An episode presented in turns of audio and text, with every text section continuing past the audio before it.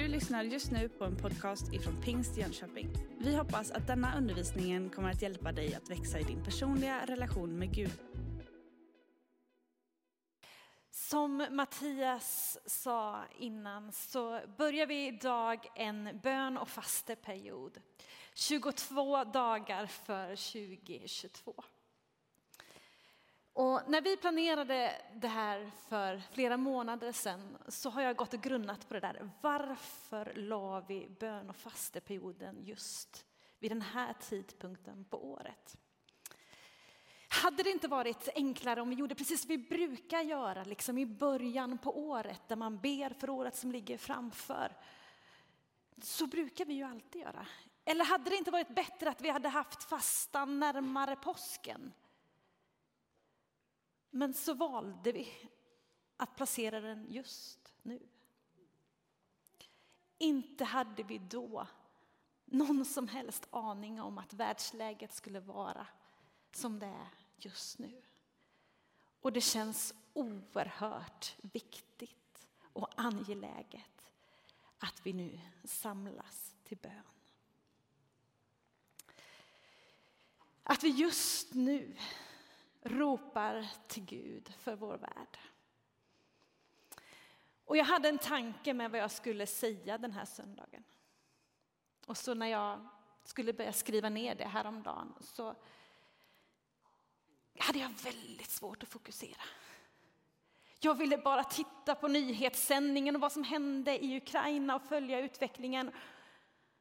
Och då bara drabbade mig också så oerhört tydligt att det som ligger i vårt uppdrag som kristna, att som kristenhet be för vår omvärld.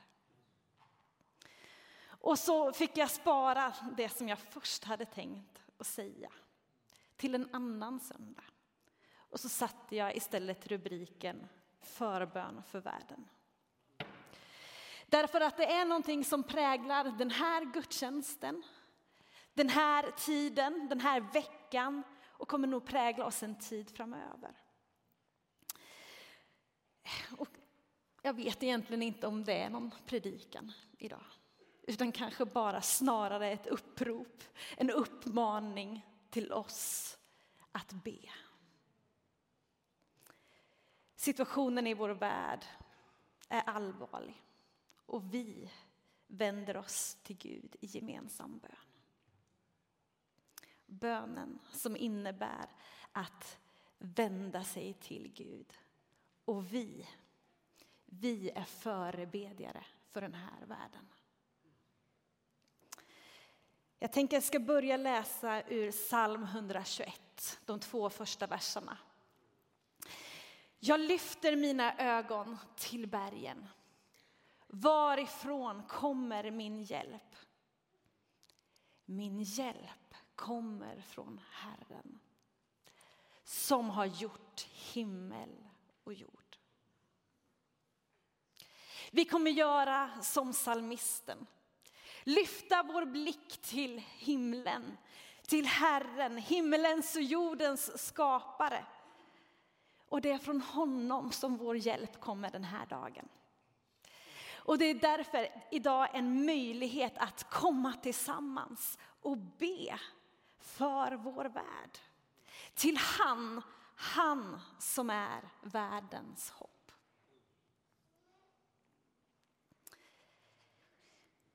Mitt i all oro så får vi be. Bönen, det är en kallelse, en befallning, något vi ska göra, men faktiskt också en gåva. Bönen som på något sätt är själva andningen i det kristna livet. Och förbönen är ett sätt att älska andra. Att på något sätt flytta tyngdpunkten lite grann från mig själv och fokus på någon annan. Från mina egna behov till någon annans. Och nu när vi ber för världen så riktas våra blickar och vår uppmärksamhet mot andras nöd. Och vi vänder oss till Gud som är hela världens Gud. Han som håller hela världen i sin hand.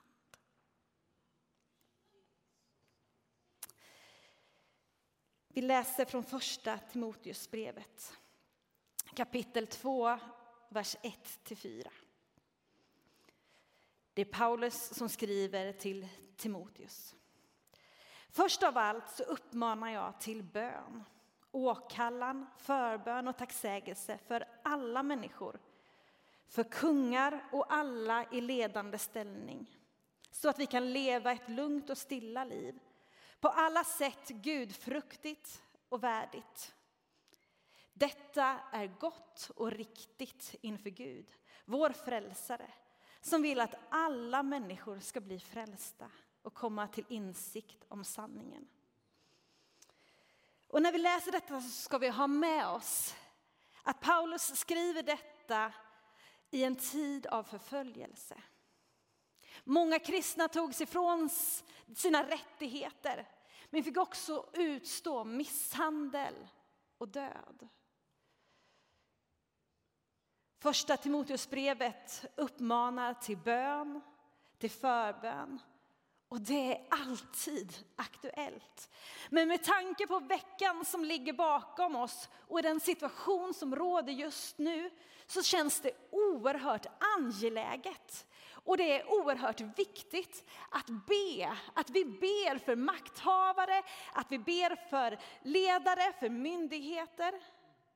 Och vi ska be för politiska ledare som står inför avgörande beslut. Vi ska be för de som lider, de som kämpar, de som är utsatta. Och det är rätt och riktigt. Och på något sätt så står det i samklang med Guds vilja. Det jag vill betona idag är att vi som kyrka kallas till förbönstjänst.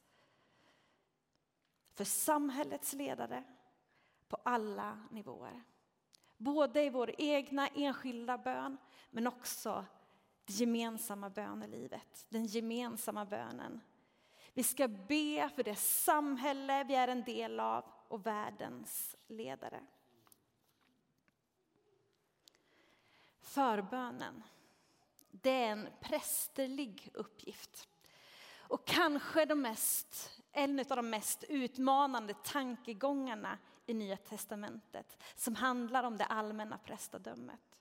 Och bara för att ge en kort beskrivning vad som menas med det så är det att på Gamla Testamentets tid så kunde man inte närma sig Gud direkt utan det behövdes en präst mellan Gud och den syndiga människan.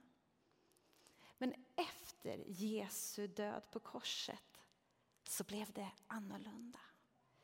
Nu kan vi genom Kristus komma i omedelbar kontakt med Gud. Precis som en präst för att tjäna honom som en präst. Vi läser ifrån första Petrusbrevet, det andra kapitlet och vers 5. Och låt er själva som levande stenar byggas upp till ett andligt hus, ett heligt prästerskap som ska bära fram andliga offer som Gud tar emot med glädje genom Jesus Kristus. Och så vers 9. Men ni är ett utvalt släkte, ett kungligt prästerskap. Ett heligt folk, ett Guds eget folk för att förkunna hans härliga gärningar som han har kallat er från mörkret till sitt underbara ljus. Och detta är något gemensamt, något kollektivt.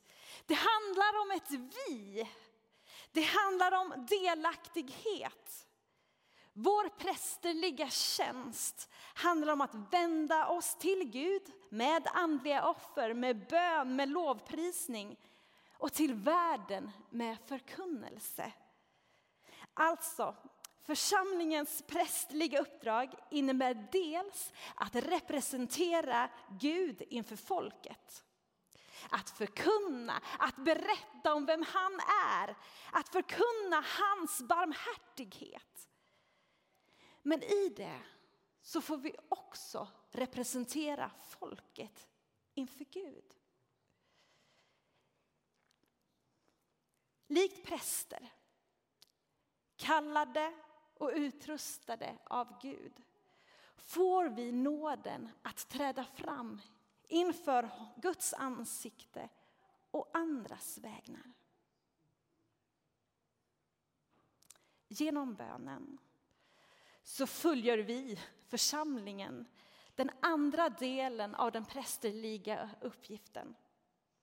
Den prästerliga tjänsten, att representera folket inför Gud. Och det finns flera bibliska förebilder för den här tjänsten. Mose som ber för Israels folk och ber att Gud ska förlåta deras synder. Nehemja ber och bekänner folkets synd och vi kan läsa att Daniel gör det också.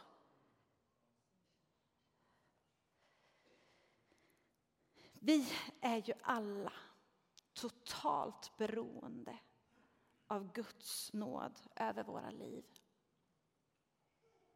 Jag är det. Du är det. Vi är alla det.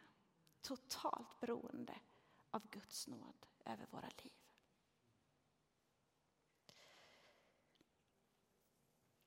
Denna förbönstjänst är en av församlingens viktigaste uppdrag. I den här gudstjänsten så får vi bära fram nöden inför Gud. Vi får be om att Guds rike ska komma, att hans vilja ska ske. Därför att han är också fridsfurste. Fridens Gud.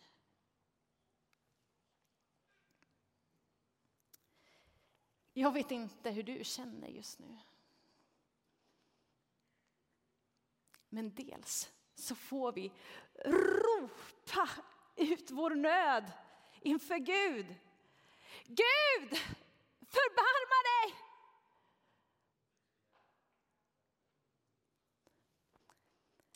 Psalm 86 säger, jag ropar till dig på nödens dag, för du kommer att svara mig.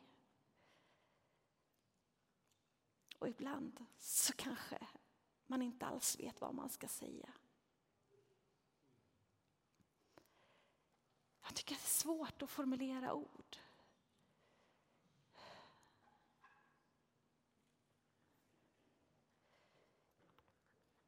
Då har vi Guds löfte om den helige Ande som ber för oss. Anden som känner djupen i Gud men som också bor i oss. Romarbrevet 8.26 står så här. Så hjälper också anden oss i vår svaghet. Vi vet inte vad vi borde be om, men anden själv vädjar för oss med suckar utan ord. Gud hör varje suck. Han hör din suck. Han hör ditt rop. Och så kan man ju känna sig oerhört liten. I det här. Jag gör det.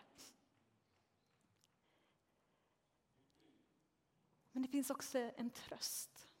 Att vi inte lämnas ensamma i vår förbön. Dels har vi varandra, men det finns också den eviga förebedjaren vi fortsätter några verser senare i Romarbrevet 8. Kristus Jesus är den som har dött, ja än mer, den som blivit uppväckt och som sitter på Guds högra sida och vädjar för oss. Han är den evige förebedjaren. Vi är inte ensamma i vår bön.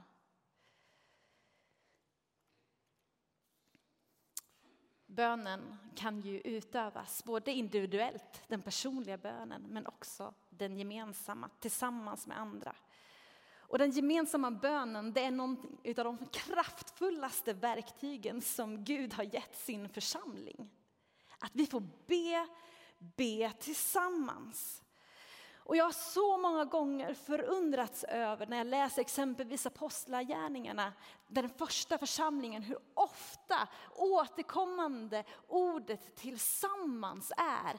Det finns någonting i det där att komma tillsammans, att be tillsammans. En oerhört tydlig betoning.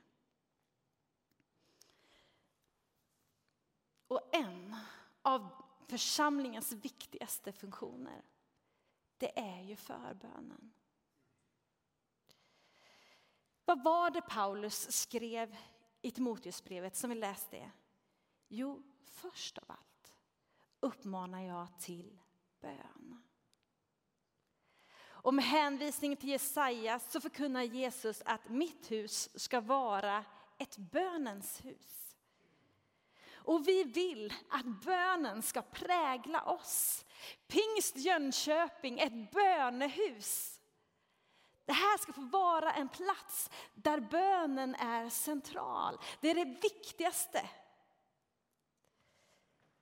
Det är det vi vill med våra gudstjänster. Lyssna till ordet som förkunnas, men också kollektiv, gemensam bön, tillbedjan, lovsång, lovprisning. Och det får vi göra tillsammans. Och det är det vi vill under kommande veckor. Att på ett särskilt sätt komma tillsammans för den gemensamma bönen. Därför att vi tror att bön gör skillnad. Det finns en förändringskraft i bönen. I mitt liv, i ditt liv, i den här församlingen, i den här staden, i det här landet och i den här världen. Bön gör skillnad.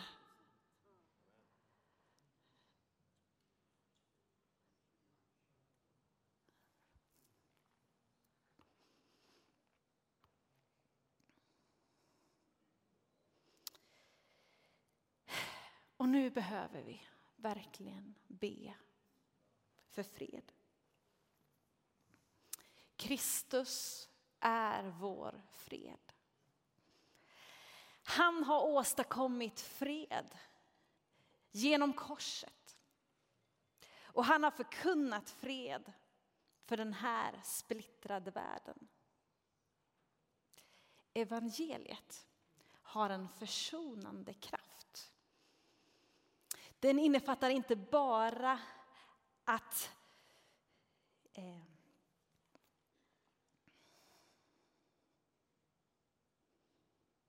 Den innefattar inte bara att Jesus tog våra synder på korset för att försona oss med Gud, utan också för att försona oss med varandra. Och i det så har du och jag som kristna och som kyrka ett uppdrag. Att leva ut försoningen. Att visa vägen och vara en hoppets bärare. Fred och försoning. Att leva i försoning. Försoning med Gud och försoning med varandra. Och vi ska proklamera och praktisera försoning präglad av Kristi kärlek. Ja, vi lever i ett land i fred. Men hur ser det ut i mitt liv? Hur ser mina relationer ut? Ja, någonstans i det där så behöver jag också ta en titt på mitt eget liv. Sann och bestående försoning kräver också att jag erkänner mina synder inför Gud, omvänder mig till Gud, men också mot andra. Finns det någon som jag har sårat, som jag kanske också behöver be om förlåtelse? Att leva fred och försoning Har jag rena och sunda relationer?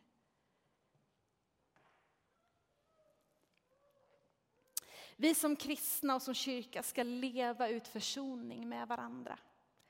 Och faktiskt verka för att hålla fred.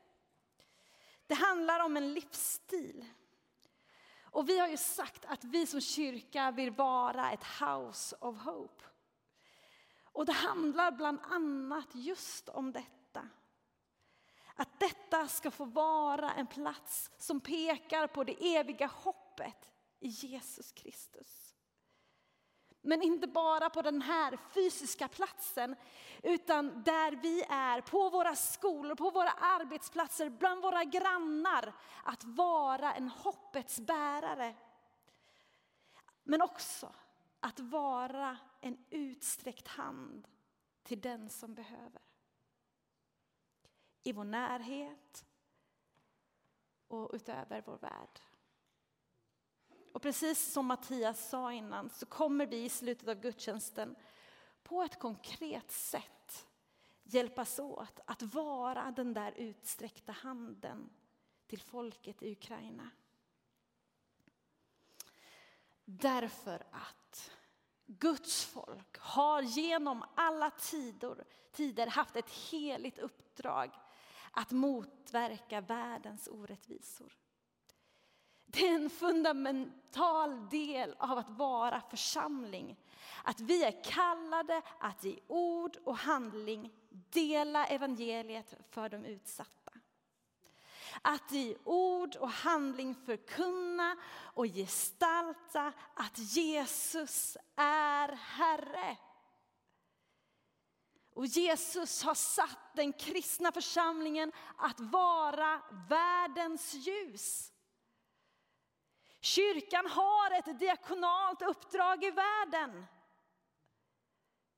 En kyrka som visar omsorg i samhället och världen. Och det blir ett hoppets tecken. Vi är hoppets bärare. House of Hope.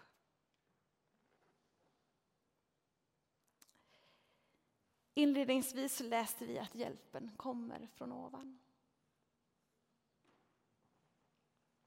När någonting sånt här händer så reagerar vi olika. För att vi är olika. En del blir oroliga eller rädda. Kanske för egen del eller för någon annans. En del känner stark empati. En del blir arga. Och en del har svårt att ta in. Och för en del så väcker det starka minnen av någonting som man själv varit med om. Därför är det också viktigt att vi ber också över våra egna liv och varandras liv just nu. När jag växte upp så i vår källare så hade min pappa ett kontor. Och i ena hörnet på det kontoret så fanns det en brun skinnfåtölj.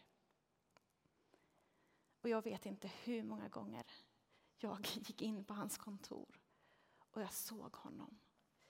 Jag såg honom på knä vid den där stolen.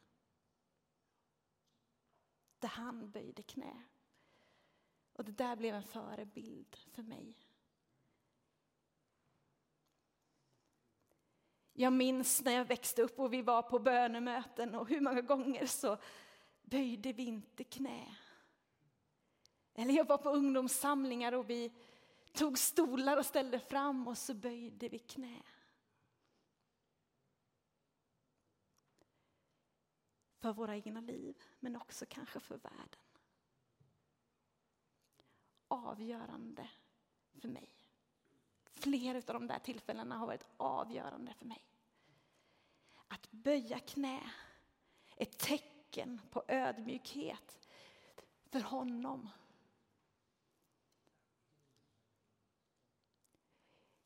Inte att han... En ödmjukhet av att han liksom pressar eller trycker på, utan han som böjde sig ner för din och min skull. För honom böjer jag mina knän. Jag vet inte när du böjde dina knän senast. Men kanske är det idag du ska göra det. Att böja dina knän inför Herren och säga, här är jag.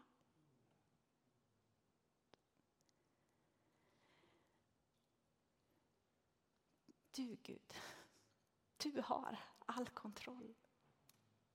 Jag överlämnar till dig. Mitt liv.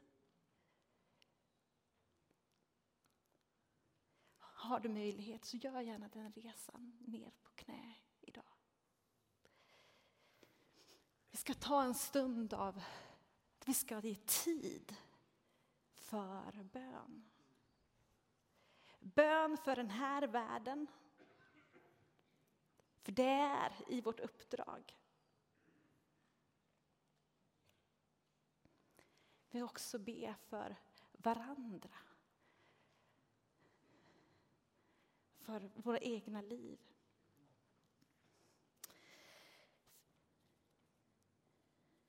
För trots allt så kanske, allt som händer så kanske inte det är din största kamp just nu.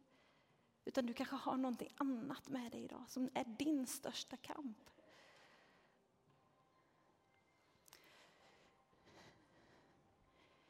Det har varit en lång tid sedan vi inte, vi inte har liksom samlats och bett med och för varandra så här. Kanske vill du böja knä där du är eller den här platsen kan få vara en plats där du kan böja dina knän men du kanske också vill samla de som är runt omkring dig och säga nu ber vi tillsammans. Vi ber med och för varandra en bönering här. På min högra sida finns det människor som vill be för dig. Där du kan få uttrycka din bön och någon lyssnar och vill lägga handen på dig och be för dig. Du kan skriva ditt bönämne på den sidan inne i lilla salen, men också här. Att verkligen uttrycka din bön. Jag tror att det är viktigt idag. Du kan få tända ett ljus som ett tecken, en symbol för någonting som du tänker på. Men du kanske också bara vill att någon ska be för dig med lite avstånd. Då kommer det finnas människor här på min vänstra sida och du bara ställer dig framför dem och de kommer räcka sin hand mot dig. Och de kommer be en välsignelsebön för dig och ditt liv. Så ska vi ta en stund för bön, för lovsång. Och du kanske tänker, men hur kan vi lovsjunga nu?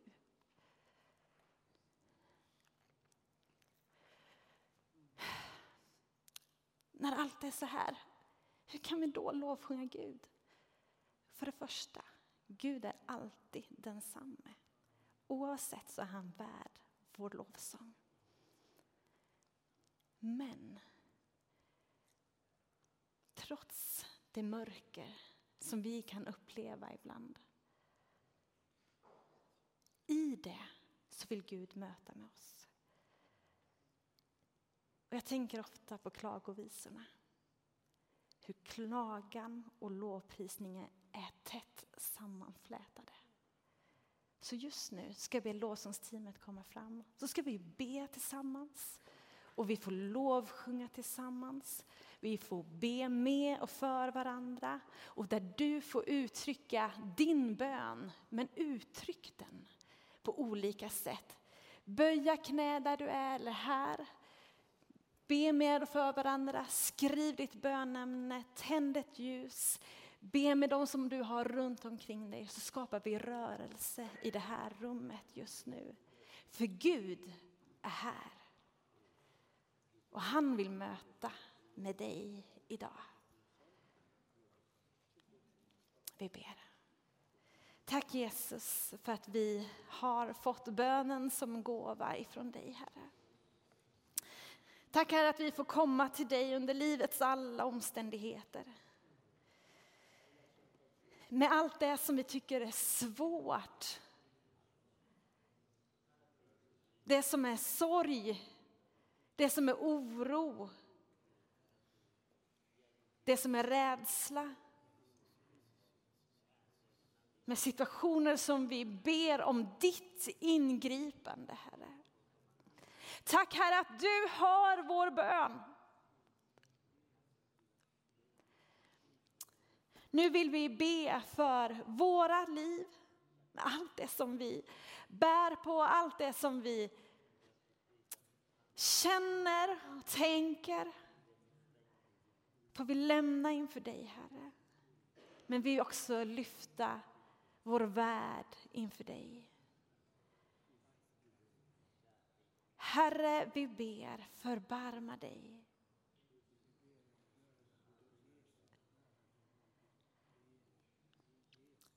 Vi ber för fred. Vi ber för beslutsfattare.